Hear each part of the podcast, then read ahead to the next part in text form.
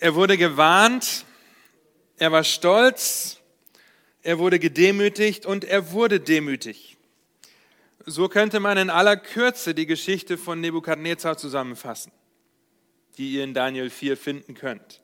Ja, wir lesen, dass Nebukadnezar damit begann und sprach, ist das nicht das große Babel, das ich mir erbaut habe mit meiner gewaltigen Macht und zu Ehren meiner Majestät? Oder eine andere Zusammenfassung. Er wurde erschaffen, er wurde hochmütig, er wird ewig gedemütigt. In aller Kürze die Geschichte Satans, Luzifers, des Engels des Lichts, der gefallen ist. Das könnt ihr zum Beispiel in Jesaja 14 nachlesen, wo es unter anderem heißt: Ich will emporfahren auf Wolkenhöhen, dem Allerhöchsten mich gleich machen. Nun, was lernen wir in beiden Begebenheiten über Stolz? Dass Gott dem Hochmütigen widersteht. Und zwar aktiv, weil Stolz ein Gräuel für Gott ist. Und wenn wir versuchen, Stolz oder Hochmut zu definieren, könnten wir es mit folgenden Worten zusammenfassen. Stolz ist das Streben danach, den Status und die Stellung Gottes einzunehmen, um sein eigenes Leben zu kontrollieren, ohne die Abhängigkeit von Gott anzuerkennen. Das heißt, es geht um mich. Ich muss etwas darstellen. Ich bin wertvoll. Ich bin erfolgreich. Ich bekomme Anerkennung. Ich verdiene Liebe und Respekt. Ich, ich, ich. Alles ist von mir, durch mich, für mich. Ich bekomme die Ehre. Auf der anderen Seite dieser Stellung, dieses Hochmuts kommen die, die im Selbstmitleid baden dazu. Die sagen, ich bin nicht wertvoll und oh, ich, es wäre so toll, wenn es nur um mich gehen würde, wenn ich Anerkennung bekommen würde. Aber nein, ich bekomme nicht, was ich will. Und ich will geliebt werden, ich will erfolgreich sein, ich will. Punkt, Punkt, Punkt.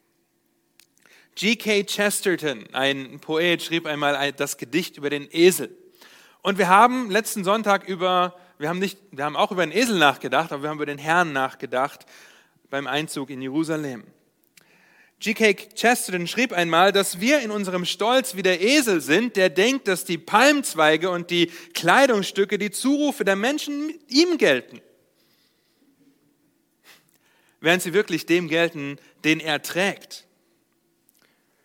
Wenn dich also jemand einen Esel nennt, dann prüfe dich selbst, ob du stolz bist. Wenn dich zwei Leute einen Esel nennen, dann halte ernsthaft nach Hufabtritten Ausschau.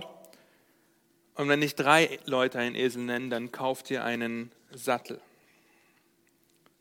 Stolz. Stolz entthront Gott und wird zum ausgelebten Atheismus, sagt zum Beispiel Stuart Scott. Wenn wir in die Bibel schauen, dann finden wir im Griechischen zwei Worte für Stolz. Das eine beschreibt eine Person, die ihren Hals in die Luft streckt.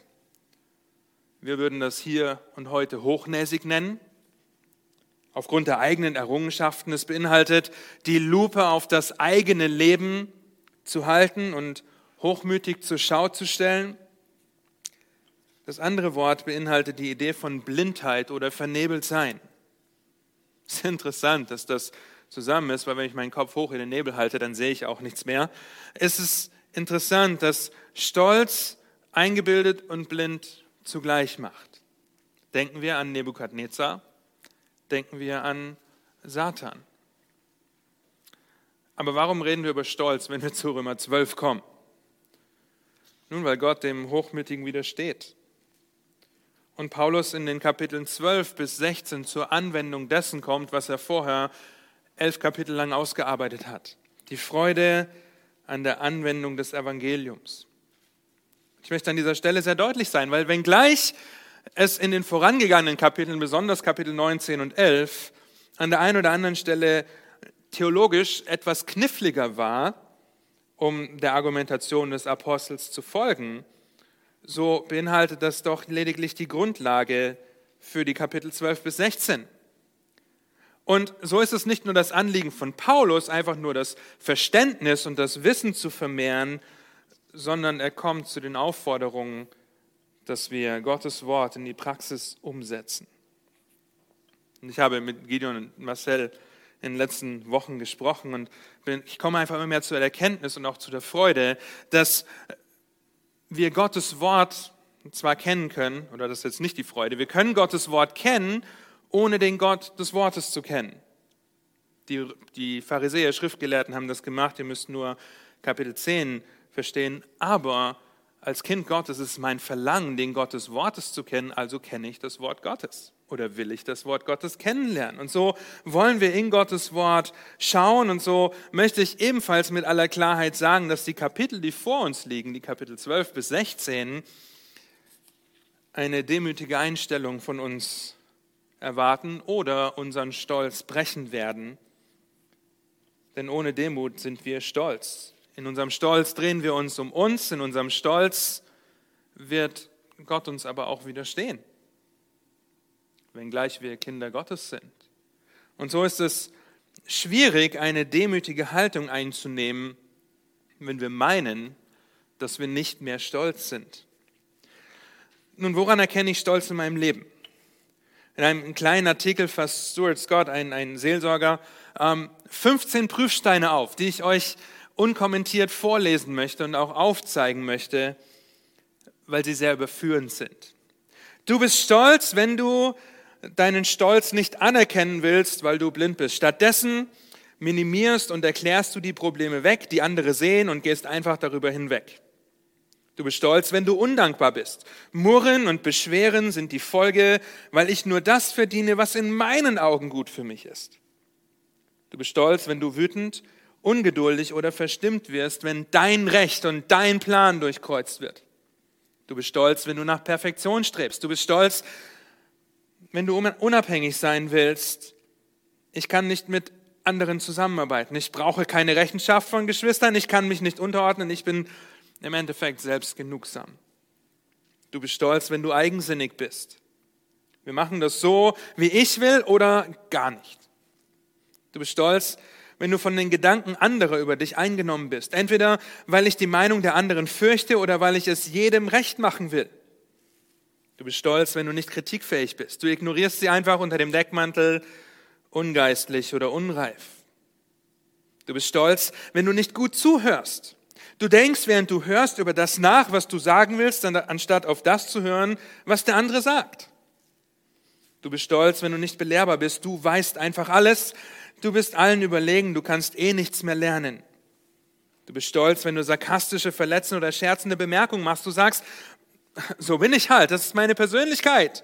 Ich bin dominant, ich bin cholerisch, ich kann nichts dafür.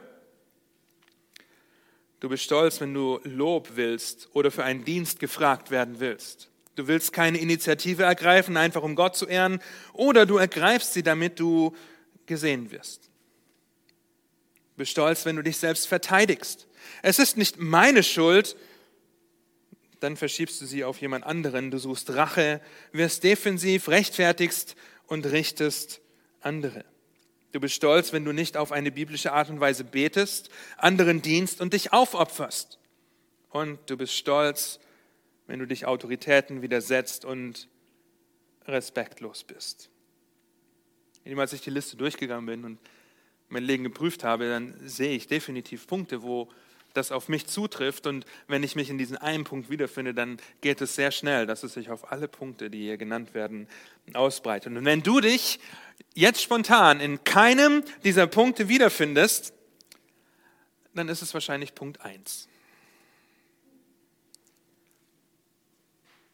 Denn jeder von uns, solange wir auf dieser Seite der Ewigkeit leben, kämpft mit Stolz. Und so können die letzten elf Kapitel des Römerbriefs dazu beigetragen haben, dein Wissen über Gottes Wort vermehrt zu haben, deinen Kopf noch weiter aufgeblasen oder in die Höhe gehoben zu haben. Aber Wissen ohne Anwendung ist kein biblisches Verständnis von Wissen. Und so hoffe ich, dass das nicht auf dich zutrifft. Du kannst Gottes Wort kennen, ohne den Gott des Wortes zu kennen. Die Pharisäer waren stolz über ihr Wissen, über das Gesetz, das ihnen gegeben wurde, über diese Dinge und so haben sie einen falschen Eifer in den Tag gelegt.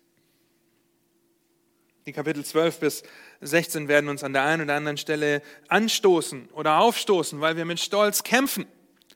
Denn Gott widersteht dem Hochmütigen und so wollen wir uns heute anhand von Römer 12, den ersten acht Versen, die Frage stellen, übst du demütigen Gottesdienst? Anhand unseres Textes werden wir vier Eigenschaften eines demütigen Dieners betrachten und hoffentlich ermahnt werden, Buße zu tun, indem wir unseren Stolz anerkennen, bekennen und ablegen, um Demut flehen und sie anlegen.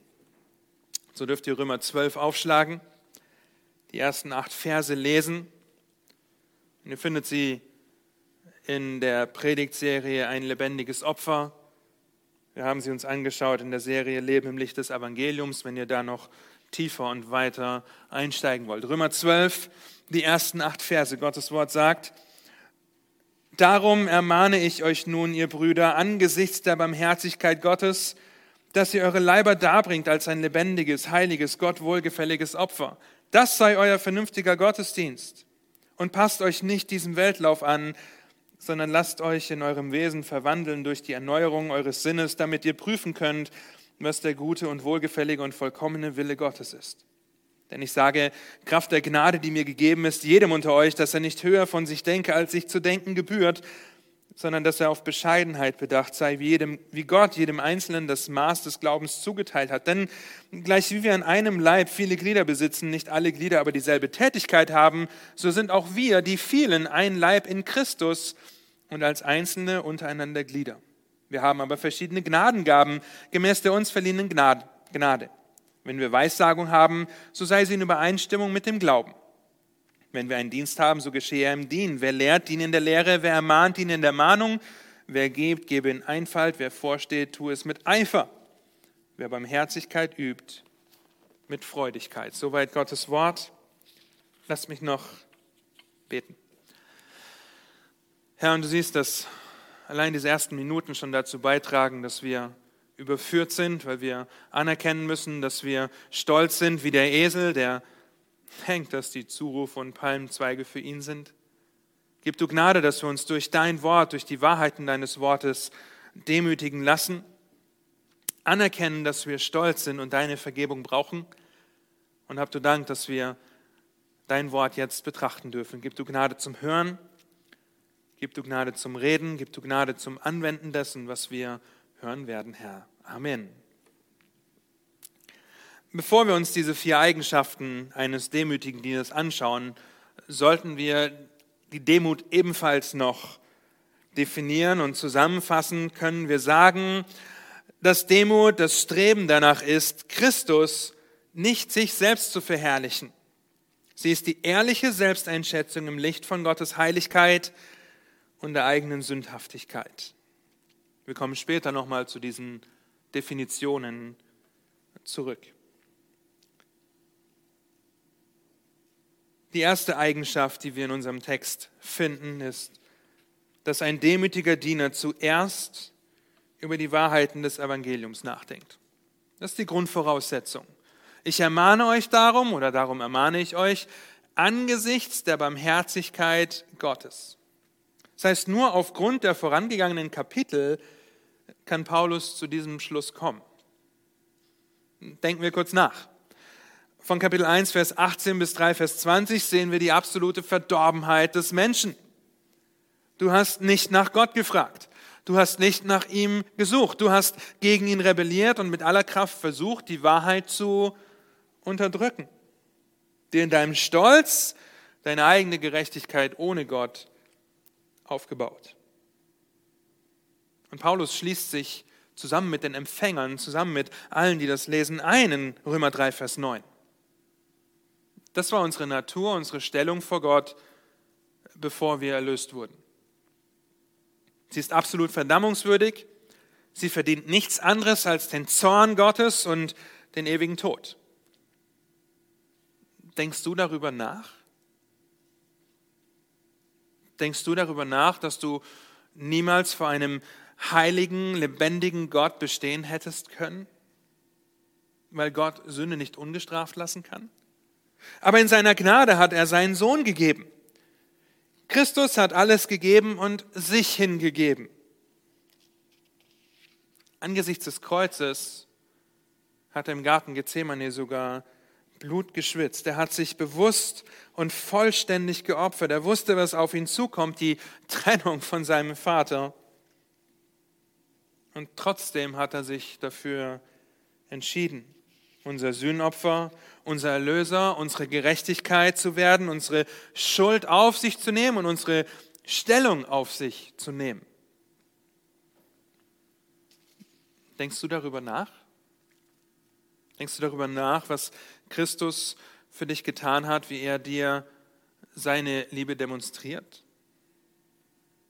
Meine Lieben, das war alles, bevor wir irgendetwas selbst leisten konnten, bevor wir neu waren, bevor wir Freund waren. Er hat sich hingegeben, damit du, damit ich, damit wir eine neue Stellung, eine neue Natur vor Gott haben, weil es in ihm ist. In ihm ist dein Heil absolut sicher. In ihm ist es absolut sicher verwahrt. Du bist ein adoptiertes Kind Gottes. Aber es ist wesentlich mehr als eine Adoption, wie wir sie heute kennen. Wir adoptieren Kinder, die nicht unsere DNA aufweisen, die biologisch nicht und niemals von uns abstammen werden. Und das wird sich nicht ändern. Bei Gott, er adoptiert Feinde, und macht sie zu Freunden. Er adoptiert Kinder der Finsternis und macht sie zu Kindern des Lichts. Und der Hammer an dem Ganzen ist, wenn wir darüber nachdenken, wenn Gott dich adoptiert, dann verändert er deine geistliche DNA. Er macht dich zu einer neuen Schöpfung, zu seinem geistlich-biologischen Kind, wenn wir die Analogie der Adoption nehmen. Das heißt, er gibt sich nicht einfach nur mit dir, dem Sünder, ab. Nein, er gibt dir eine neue Natur. Du bist eine neue Schöpfung. Und dadurch hast du die absolute Sicherheit, dass dich niemand aus der Hand Gottes reißen kann, weil es in Christus keine Verdammnis mehr gibt. Wie oft setzt du dich hin und denkst darüber nach?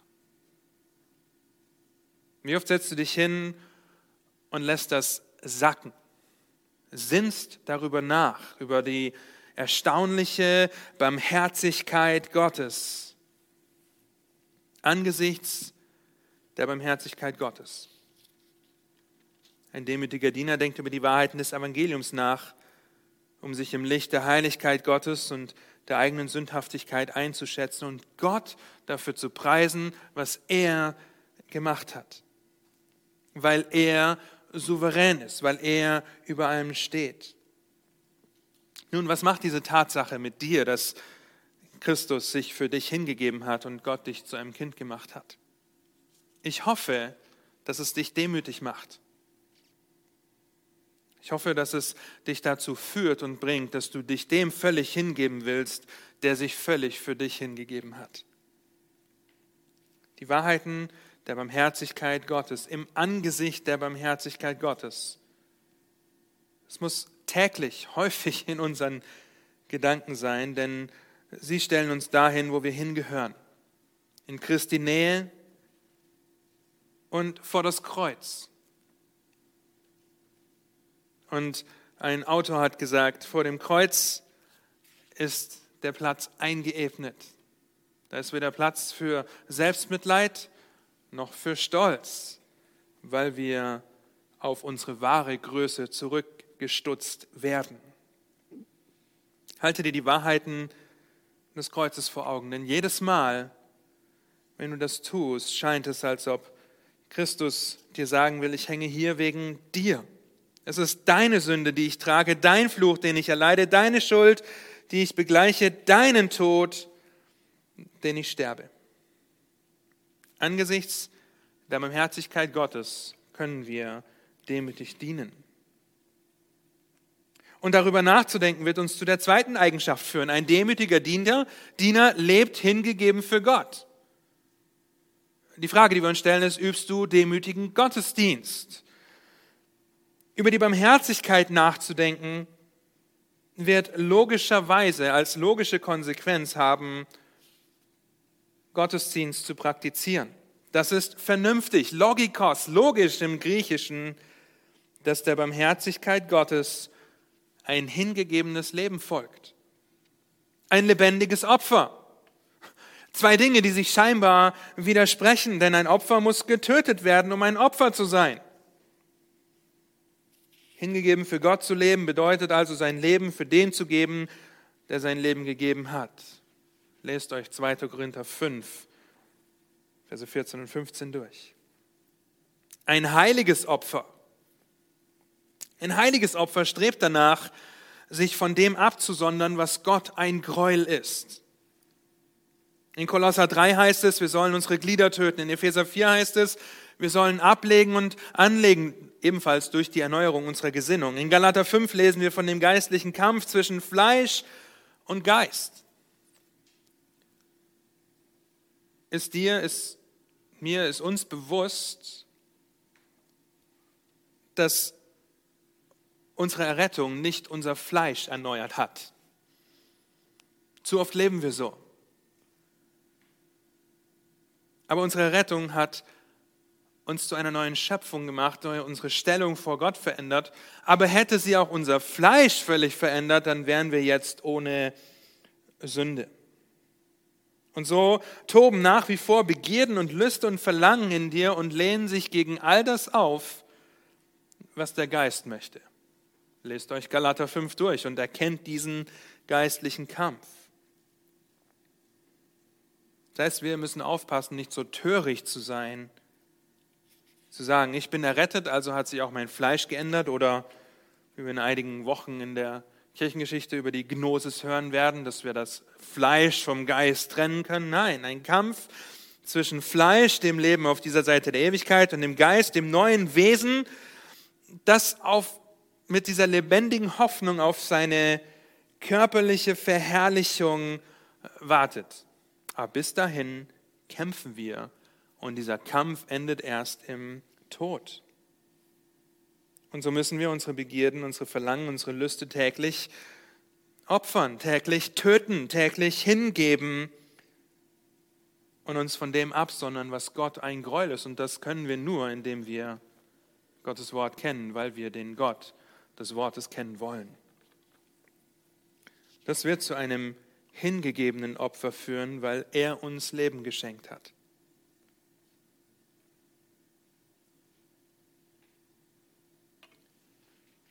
Wir können nicht sagen und unser Herz an etwas anderes hängen, können nicht sagen, wir lieben Gott und dann suchen wir nach der Anerkennung bei den Menschen.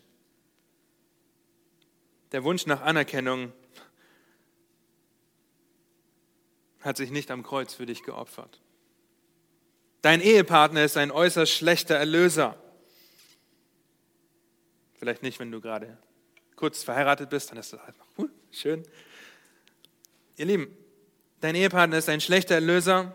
Deine Lust, die du durch verschiedenste Sachen befriedigen willst, hat sich nicht für dich geopfert. Nein, du gibst dich für sie hin. Wenn du meinst, füll die Lücke aus, zu brauchen, um glücklich und zufrieden zu sein, bringst du damit deinen Stolz zum Ausdruck. Wir werden später noch einmal darauf zurückkommen. Stolz, der sich selbst erhebt, der sich für sich selbst lebt, weil er sagt, die Barmherzigkeit Gottes ist nicht genug. Demut hingegen erhebt und lebt für Gott, seinem Gott wohlgefälligen Opfer entspricht, was unser logischer Gottesdienst sein sollte. Aber wie, wie kommen wir dahin? Römer 12, Vers 1 und 2, wenn wir das als die Grundlage und Voraussetzung für die restlichen Kapitel nehmen, wie stellen wir das an? Die dritte Eigenschaft gibt uns vielleicht eine Antwort. Ein demütiger Diener erneuert seine Gesinnung aktiv. Wenn wir Vers 2 lesen, und passt euch nicht den Weltlauf an, sondern lasst euch in eurem Wesen erneuern, äh, verwandeln durch die Erneuerung eures Sinnes, damit ihr prüfen könnt und so weiter, dann möchte ich, dass wir eine wichtige Beobachtung festhalten. Sowohl das passt euch nicht diesem Weltlauf an oder das Anpassen, als auch das verwandelt werden, lasst euch verwandeln, steht im Griechischen im Passiv. Nun, was bedeutet das? Das bedeutet, es ist etwas, dem wir ausgesetzt sind. Aktiv, wir tun etwas, passiv, wir sind ihm ausgesetzt. Anpassen kann auch mit in eine Form pressen übersetzt werden, während verwandeln mit seine Form ändern zum Ausdruck gebracht werden kann. Nun, wie hilft uns das? Das ist jetzt interessant, aber wie hilft uns das? Wenn du dich nicht aktiv dem aussetzt, dich dahin hineinbegibst, was deine Gesinnung erneuert, wirst du automatisch in die Form dieses Weltlaufs gepresst. Wenn du dich nicht aktiv dem aussetzt, was deine Gesinnung erneuert, wirst du automatisch in die Form dieses Weltlaufs gepresst. Denkt nur drüber nach, wenn ihr euch das letzte Mal Sorgen gemacht habt, wenn ihr das letzte Mal wütend geworden seid. Und dann prüft, ob ihr in diesem Moment über die Wahrheit des Evangeliums, die Wahrheiten der Schrift nachgedacht habt oder über etwas anderes. Etwas, was diesem Weltlauf, diesem Weltsystem entspricht.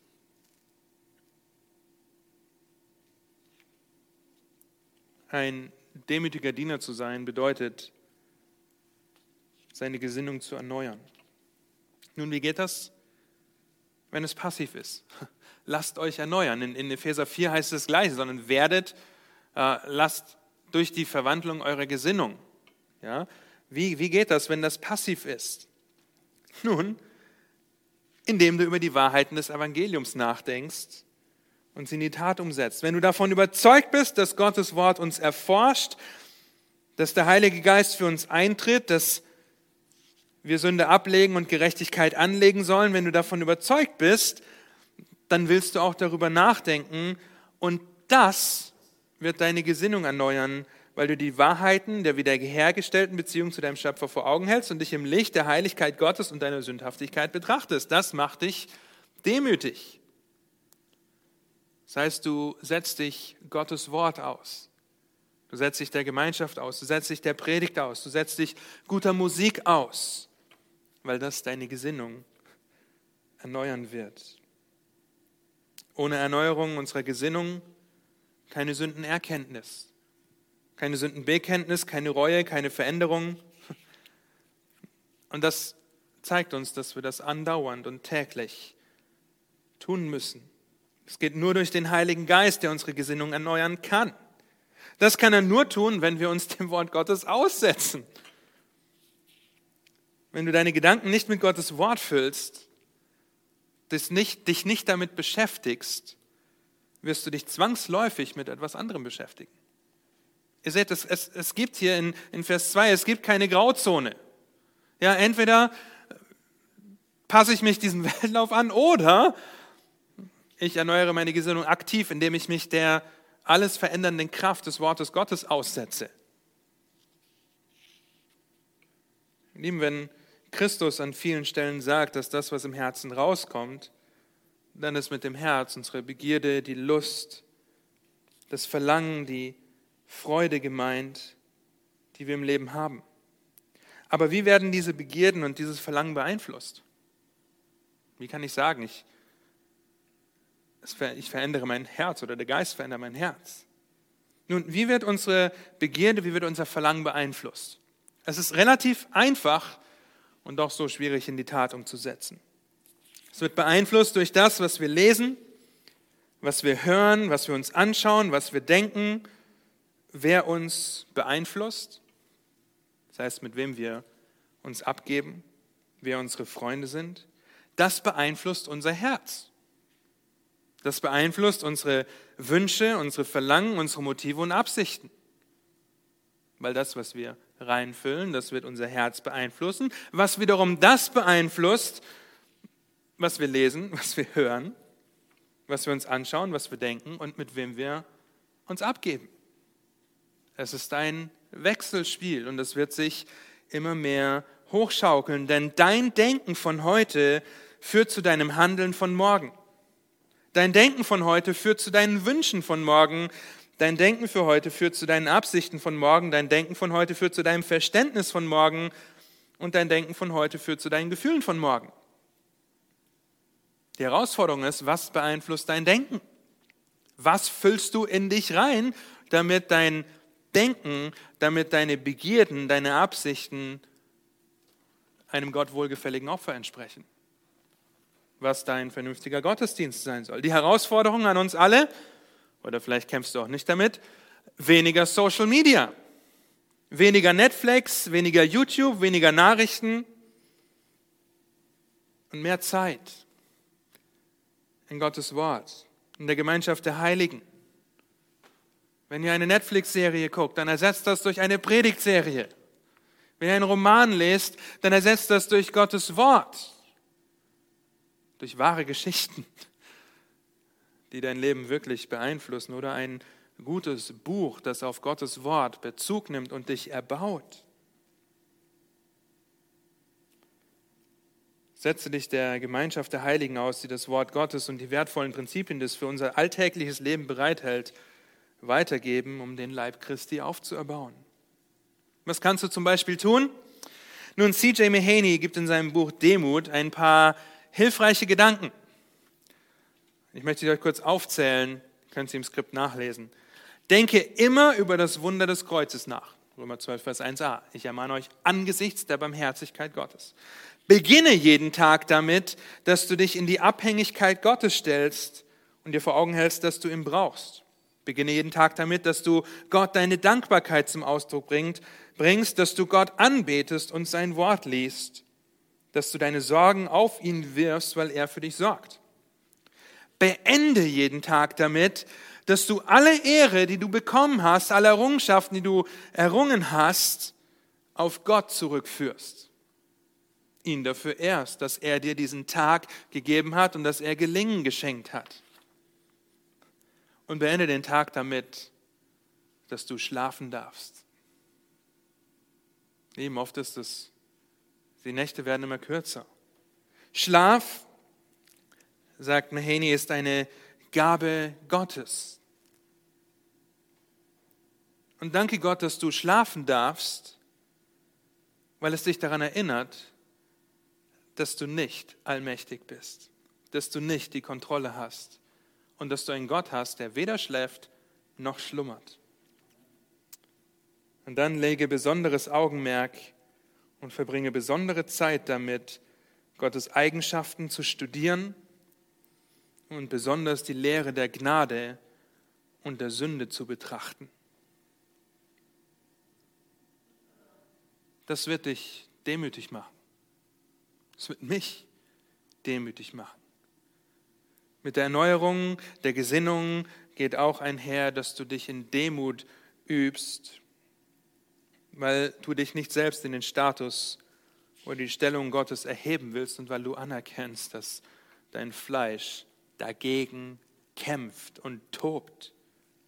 Du wirst dich auf Christus als den Anfänger und Vollender deines Glaubens stürzen. Du wirst absolut überwältigt sein von der Größe Gottes. Du wirst Gemeinschaft mit Gott und anderen suchen. Du wirst von anderen lernen. Du wirst nach Aufrichtigkeit im öffentlichen und privaten Leben streben. Du wirst dich im Licht der Heiligkeit Gottes und deiner Sündhaftigkeit einschätzen und du wirst dich dadurch selbst verleugnen und für Christus leben wollen. Denke darüber nach. Denn wenn du dich der verändernden Kraft des Evangeliums aussetzt, Römer 1, Vers 16 und 17, und darüber nachsinnst, wird das zur Folge haben, dass du den guten und wohlgefälligen und vollkommenen Willen Gottes prüfst und prüfen willst, weil das dein Antrieb ist, dein Ansporn ist und dich unter seine mächtige Hand demütigst, damit du nicht gegen ihn sündigst. Du willst das tun, was Gott sagt. Und wenn wir den guten und den wohlgefälligen und den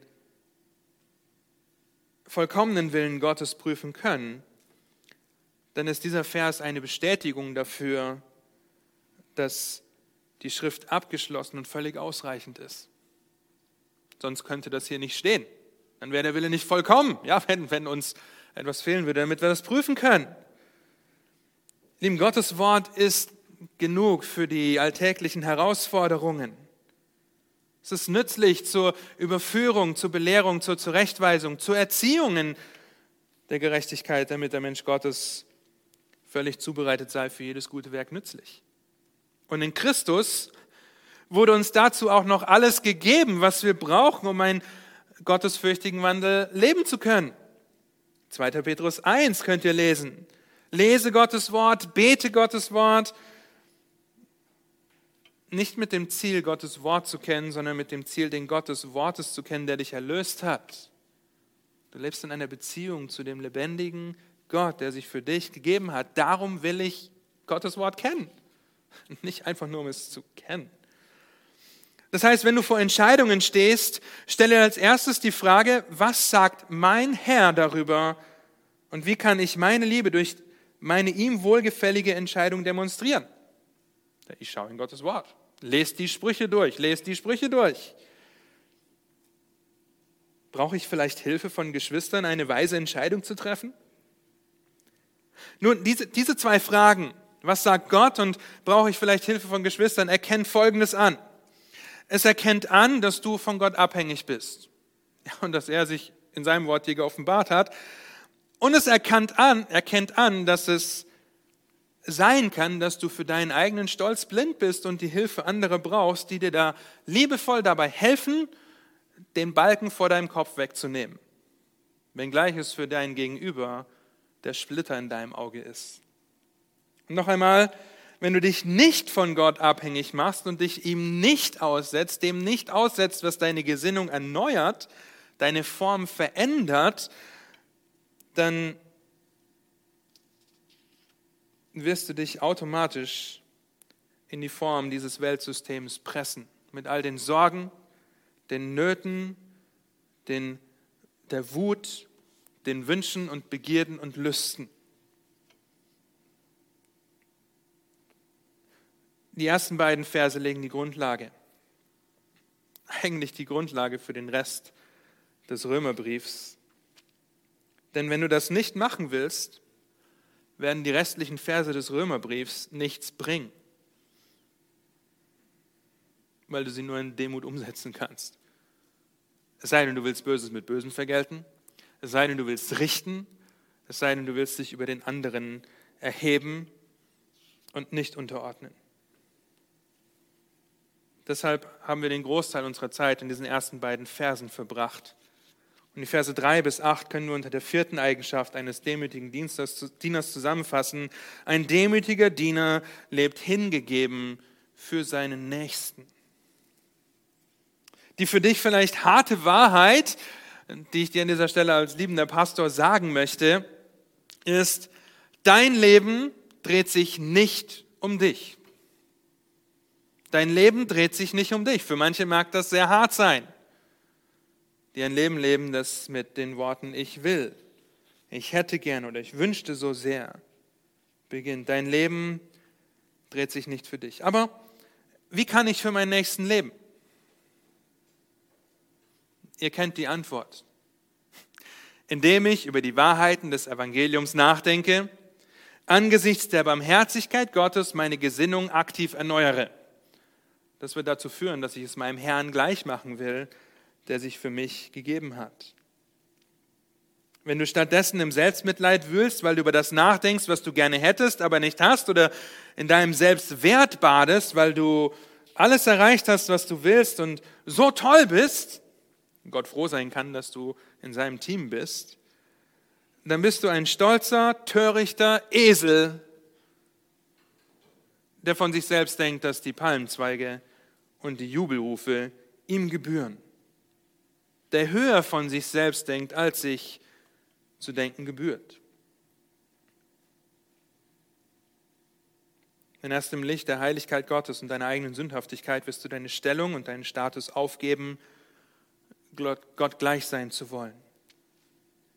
Und wenn du das tust, dann wirst du als Esel deine Freude, dein Verlangen, deine Lust und deine höchste Befriedigung darin finden, dass der, den du trägst, alle Ehre bekommt. Du wirst nicht hochmütig, sondern bescheiden und anerkennen, dass alles auf Gott zurückzuführen ist. Und wenn du das tust, wirst du den Nutzen deiner Geschwister preisen und alles daran setzen, ihnen dabei zu helfen, noch nützlicher zu werden. Weil du hingegeben für deinen nächsten Leben wirst, was wiederum der logische Gottesdienst ist und was dem Gottesdienst im Angesicht der Barmherzigkeit Gottes entsprichst, weil du deine Gesinnung mit dem Nachdenken über Christus erneuerst. Die Verse 4 bis 5 machen deutlich, dass ich als demütiger Diener für meine Geschwister lebe, weil wir einander brauchen. Das Bild des Leibes, das wir zum Beispiel aus 1. Korinther 12 kennen, macht deutlich, dass du und ich in diese Gemeinde gestellt wurden, um einander zu dienen. Er hat dich nicht an deinen Platz gesetzt, damit du bedient wirst, sondern damit du dienst. Die einzelnen Glieder meines Körpers, jetzt rede ich von meinem physischen Körper, sind voneinander abhängig. Wenn ihr darüber nachdenkt, dann erscheint das logisch. Wenn meine Hand auf dem Schreibtisch liegen bleibt, dann kann meine Hand nichts mehr tun. Die Körperteile sind voneinander abhängig. Würde eins fehlen, wenngleich ich das eventuell überleben würde, ich würde im Erledigen meiner Aufgaben eingeschränkt sein. Wusstet ihr zum Beispiel, dass man ohne einen großen Zeh keine Balance mehr halten kann? Man denkt, wofür brauche ich den großen Zeh? Nun, jedes Körperteil hat eine ganz bestimmte Aufgabe bekommen, um dafür eingesetzt werden, Gott die Ehre zu geben. Und so helfen mir meine Füße, hilft mir mein großer Zeh, gerade zu stehen. Helfen meine Hände, mich zu waschen, eine Seite umzublättern, helfen meine Augen, dabei mich nicht zu stoßen, wenn das auch nicht immer klappt. Ein Leib ist abhängig voneinander. Du bist abhängig von deinen Geschwistern, deine Geschwister sind abhängig von dir. Und durch die Barmherzigkeit Gottes ist es möglich, demütig für deinen Nächsten zu leben. Wie der demütige Dienst an den Geschwistern in der Gemeinde aussehen kann. Paulus gibt uns eine kurze Liste in den Versen 6 bis 8. Du bist einzigartig begabt. Ja, John MacArthur hat das, glaube ich, mit der Farbpalette des Heiligen Geistes beschrieben, mal, der seine Grundfarben hat und dann guckt er euch an und dann mischt er einfach Farben, wie er möchte und malt ein wunderbares Bild. Keine zwei Farben ähneln sich. Oder sind gleich, sie ähneln sich vielleicht schon, aber Nuancen sind unterschiedlich, weil wir ein Leib sind, der einander braucht. Eure Finger sehen ähnlich aus, aber Sie erfüllen unterschiedliche Zwecke. Und diese Liste in Römer Kapitel 12 reiht sich in Epheser 4 ein, in 1. Petrus 4 und in 1. Korinther 12 und ist eine Auswahl an Gnadengaben, die Paulus hier in Römer 12 hervorhebt und sie mit einer Ausübungsweise beschreibt, wie wir das machen sollen. Und beim nächsten Mal im Rest des Kapitels werden wir sehen, was es für Herausforderungen in der römischen Gemeinde gab, wo auf einmal Juden und Heiden zusammenkommen und die Heiden über die letzten Jahre dominiert haben, weil die Juden Rom verlassen mussten, das hat zu Spannungen geführt. Und so schreibt Paulus, dass wir ein Leib sind und schreibt er später davon, wie wir in Liebe miteinander umgehen sollen. Und wenn ihr euch intensiv mit den Gnadengaben beschäftigen möchtet, dann kann ich euch ermutigen, noch einmal die Predigtserie Ein lebendiges Opfer anzuhören oder Pascals ich weiß nicht, wie viele Predigten zu Römer 12 bis 14. Findet ihr im Predigtarchiv, wenn ihr Zeit habt, viel Zeit habt. 1. Korinther, Entschuldigung, ja, 1. Korinther 12 bis 14, Dankeschön. Ja, dann hört euch diese Predigten an. Aber lasst uns diese Liste kurz durchgehen. Okay? Weissagung oder Prophetie, wie es im Griechischen steht, bestimmt im Sinne einer neuen Offenbarung, wenn wir ins Alte Testament schauen, aber sehr, sehr viel umfangreicher als das. Denn was schreibt Paulus? Sie soll in Übereinstimmung mit dem Glauben geschehen. Das heißt, wir können davon ausgehen, dass es hier darauf bezieht, dass wir die Schriften reden, das, was Gottes Wort sagt, reden, dass wir sie in ihrem richtigen Kontext einordnen, dass wir sie in die richtige Situation sprechen und zur richtigen Zeit. Der Dienst soll durch das Dienen ausgedrückt werden. Okay, das klingt logisch. Ja, wenn ich das Verlangen habe zu dienen, ob im Hintergrund oder durch Gastfreundschaft, durch eine ganz praktische Hilfe, dann tu das im Dienst. Gebe dich hin und diene. Lehre. Wer lehrt, dient in der Lehre.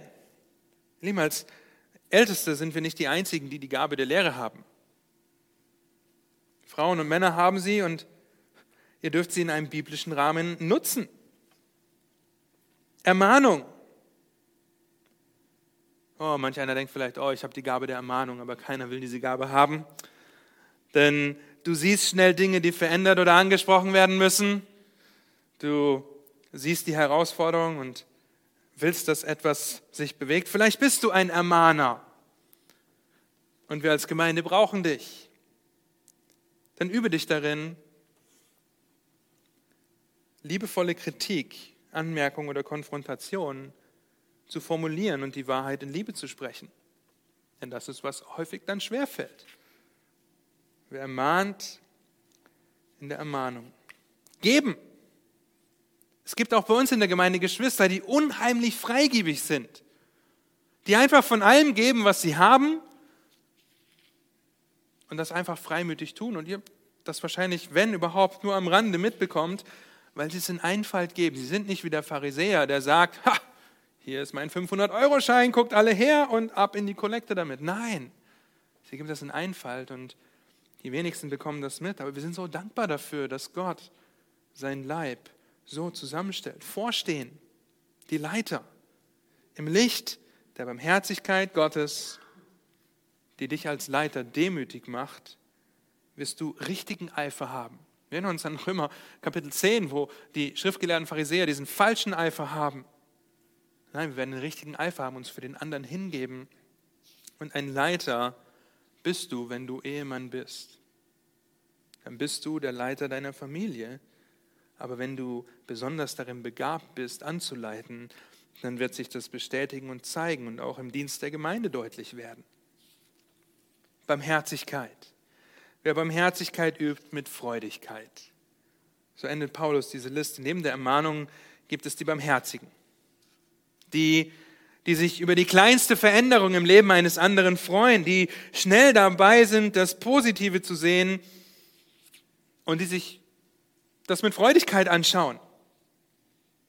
Aber so wie es die Ermahner in der Gemeinde braucht, braucht es die Barmherzigen. Und so wie die Barmherzigen die Ermahner brauchen, brauchen die Ermahner die Barmherzigen. Meine Lieben, ich frage mich immer wieder, wenn Geschwister zu mir kommen und sagen, ähm, die Gemeinde sollte das machen. Ja, das sollte die Gemeinde anfangen oder hier sollte die Gemeinde sich einbringen oder das könnten wir als Gemeinde tun. Nun, wer, wer ist die Gemeinde? Wer ist die Gemeinde? Du bist die Gemeinde. Ich bin die Gemeinde. Wir sind das Haus des lebendigen Gottes. Wir sind ein Körper, der zusammengefügt wurde das heißt, wenn du sagst, die Gemeinde sollte das tun, dann geh mal davon aus, dass du das tun solltest, weil du die Gemeinde bist. Das Ausüben deiner Gaben ist ausschließlich auf die Barmherzigkeit Gottes zurückzuführen, denn sonst hättest du keine Gnadengaben. Das heißt, denke über die Barmherzigkeit Gottes nach. Wenn du darüber nachdenkst, erneuert das deine Gesinnung. Dann willst du für Gott leben, dann willst du für deinen Nächsten leben, weil du auf Christus blickst. In der Gemeinde brauchen wir einander. Müssen wir einander mit den Gaben, die wir bekommen haben, anspornen zu Liebe und zu guten Werken, dürfen wir, wie wir beim nächsten Mal sehen, die Liebe zueinander demonstrieren.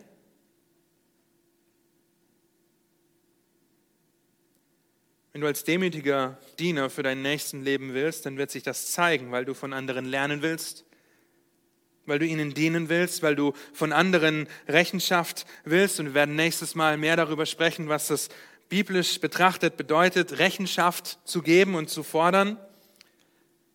Du wirst andere ermutigen wollen und du wirst dich selbst verleugnen, um anderen zu dienen.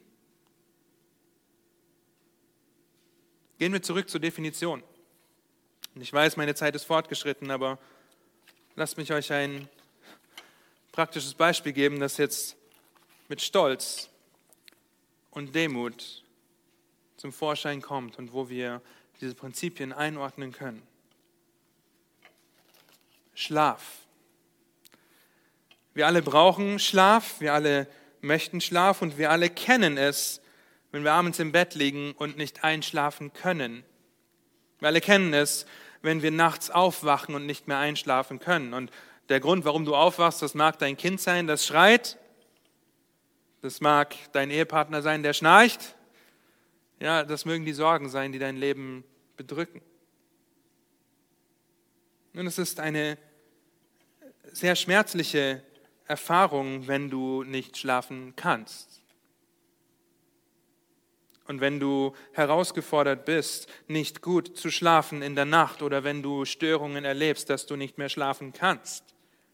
Aber wie passt diese Definition? Gerade zu diesem Thema, das uns wirklich alle betrifft. Wir alle brauchen Schlaf, okay? Und der eine hat vielleicht kleine Kinder, die ihn nachts wecken und der andere vielleicht nicht. Nun, Stolz ist das Streben danach, den Status und die Stellung Gottes einzunehmen. Wenn ich eine stolze Person bin, die schlafen will, dann wird mich alles aufregen, was mich davon abhält, wird mich wütend machen, weil ich die Kontrolle haben will, wie viel ich schlafe. Und wenn in dem Moment, wo ich sage, ich muss die Kontrolle darüber haben und wenn ich nicht so viel schlafe, wenn ich nicht meine acht Stunden Schlaf kriege in der Nacht, das kann einfach nicht gehen und ich werde wütend darüber. Dann werde ich vielleicht wütend, werde ich vielleicht ungeduldig oder verstimmt, vor allem wenn es deine Kinder sind, die dich nachts wecken. Dann wirst du undankbar sein, weil du das nicht verdient hast. Du hast nur verdient, was gut in deinen Augen ist. Und das Gute für deine Augen ist, dass sie jetzt zu sind und im Traumland sich befinden. Du willst unabhängig und eigensinnig sein. Du wirst nicht gut zuhören, wenn es um deine Kinder geht. Und du wirst die Zeit nicht nutzen, weil du dich in die Stellung und Position Gottes versetzen möchtest, weil du meinst zu wissen, wie viel Schlaf du brauchst. Also wirst du wütend weil du nicht die Kontrolle hast und weil du dabei vergisst, dass du abhängig von Gott bist. De Schlaf in der Demut. Demut, das Streben danach, Christus zu verherrlichen. Nun, bei uns in der Familie ist es gerade so, dass das häufig die Kinder sind. Ich habe die Wahl, ob ich ihnen wütend entgegentrete oder in Demut, weil ich Christus groß machen will, der sich für mich hingegeben hat. Aber ihr Lieben, ich kann das nicht in, ausschließlich in diesem Moment entscheiden. Ich muss mich vorher daran erinnern und meine Gesinnung erneuern. Wenn ich mich den ganzen Tag nicht damit beschäftigt habe oder längere Zeit als einen Tag, dann werde ich stolz reagieren. Ich werde in der Nacht versuchen, meinen Kindern das liebevolle Opfer Jesu zu demonstrieren, indem ich mich für sie hingebe indem ich darüber nachdenke, wer ich vor Christus bin und dass das eine Gefahr ist, in der ich mich befinde, wo ich weiß, dass mein Fleisch gegen den Geist kämpft. Vor allem, wenn ihr wisst, wann ich aufstehen muss. Und dann zwei Stunden vorher ein Kind mich weckt. Nun, das ist ein geistlicher Kampf, aber ich darf mich in Demut üben, weil es um die Ehre meines Herrn geht und nicht um meine eigene weil ich mir bewusst machen darf, dass Gott genau weiß, wie viel Schlaf ich in dieser Nacht brauche, um am nächsten Tag zu funktionieren. Gott hat die Kontrolle, nicht ich.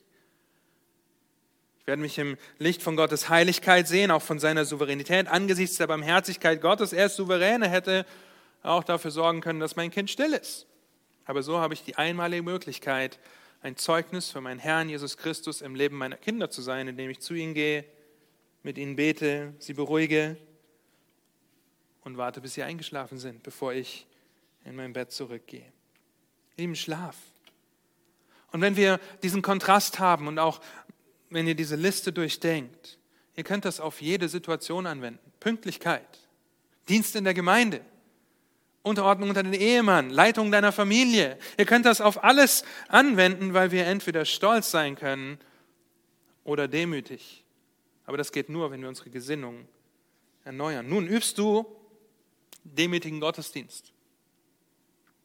Beziehungsweise in welchen Bereichen deines Lebens musst du für deinen Stolz, für deinen Hochmut, deine verdrehte Wahrnehmung, die Stellung und den Status Gottes einnehmen zu können, Buße tun. Ich will nicht fragen, ob du das gar nicht in deinem Leben hast, sondern ich weiß, dass es in deinem Leben vorhanden ist, weil ich mein Leben sehe. Wir alle kämpfen mit Stolz. Habe die Barmherzigkeit Gottes vor Augen. habe das ultimative Vorbild für, dein, für Demut vor Augen. Und stell dir vor, Christus wäre beim Vater geblieben. Wir hätten keine Chance auf Rettung. Stattdessen wird er der Stiefsohn eines Zimmermanns, hat keinen Ort, an den er sein Haupt legen kann, kommt aus Nazareth, was kann da schon Gutes herkommen, ist weder hübsch noch attraktiv, ist ein Freund von Sündern und Zöllnern, dient aufopferungsvoll und bereitwillig, hat keinen weltlichen Erfolg, tut uneingeschränkt den Willen des Vaters und stirbt einen grausamen, schmerzhaften, verachtenden Tod. Jesus ist das Gegenteil von Stolz. Denke über die Barmherzigkeit Gottes nach. Ein demütiger Diener denkt an die Wahrheiten des Evangeliums, lebt für Gott, erneuert seine Gesinnung und lebt für seinen Nächsten. Das ist vernünftiger Gottesdienst. Also die Frage, übst du demütigen, übst du vernünftigen Gottesdienst? Wenn nicht, dann tue Buße. Und beim nächsten Mal werden wir an dieser Stelle weitermachen. Werden wir uns den praktischen Umgang miteinander anschauen. Und bis dahin prüfe dich selbst. Prüfe dich anhand des Wortes Gottes und wirf für jeden Blick auf deine Sündhaftigkeit zehn auf Gottes Barmherzigkeit. Amen. Amen. Lass mich noch beten.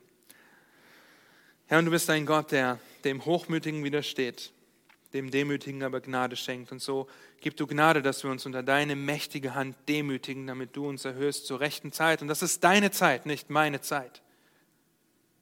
Herr, es ist das, was du vorhast, nicht das, was wir meinen zu brauchen. Und so gib du Gnade, dass wir häufig und viel über die Barmherzigkeit nachdenken, die du uns hast zuteil werden lassen, in einer großen Treue, in einer großen Gnade, dass wir als deine Kinder vor dich treten können, zum Thron der Gnade kommen dürfen, um dich anzuflehen, uns zu zeigen, wie wir es meinen, unser Herz zu überführen durch dein Wort, anzuerkennen, dass unsere Herzen trügerisch sind und dass wir sie mehr als alles bewahren müssen. So gib du Gnade, dass sich unser Gottesdienst darin äußert, dass wir uns für dich hingeben und für unseren Nächsten, denn wir sollen dich lieben und unseren Nächsten wie uns selbst.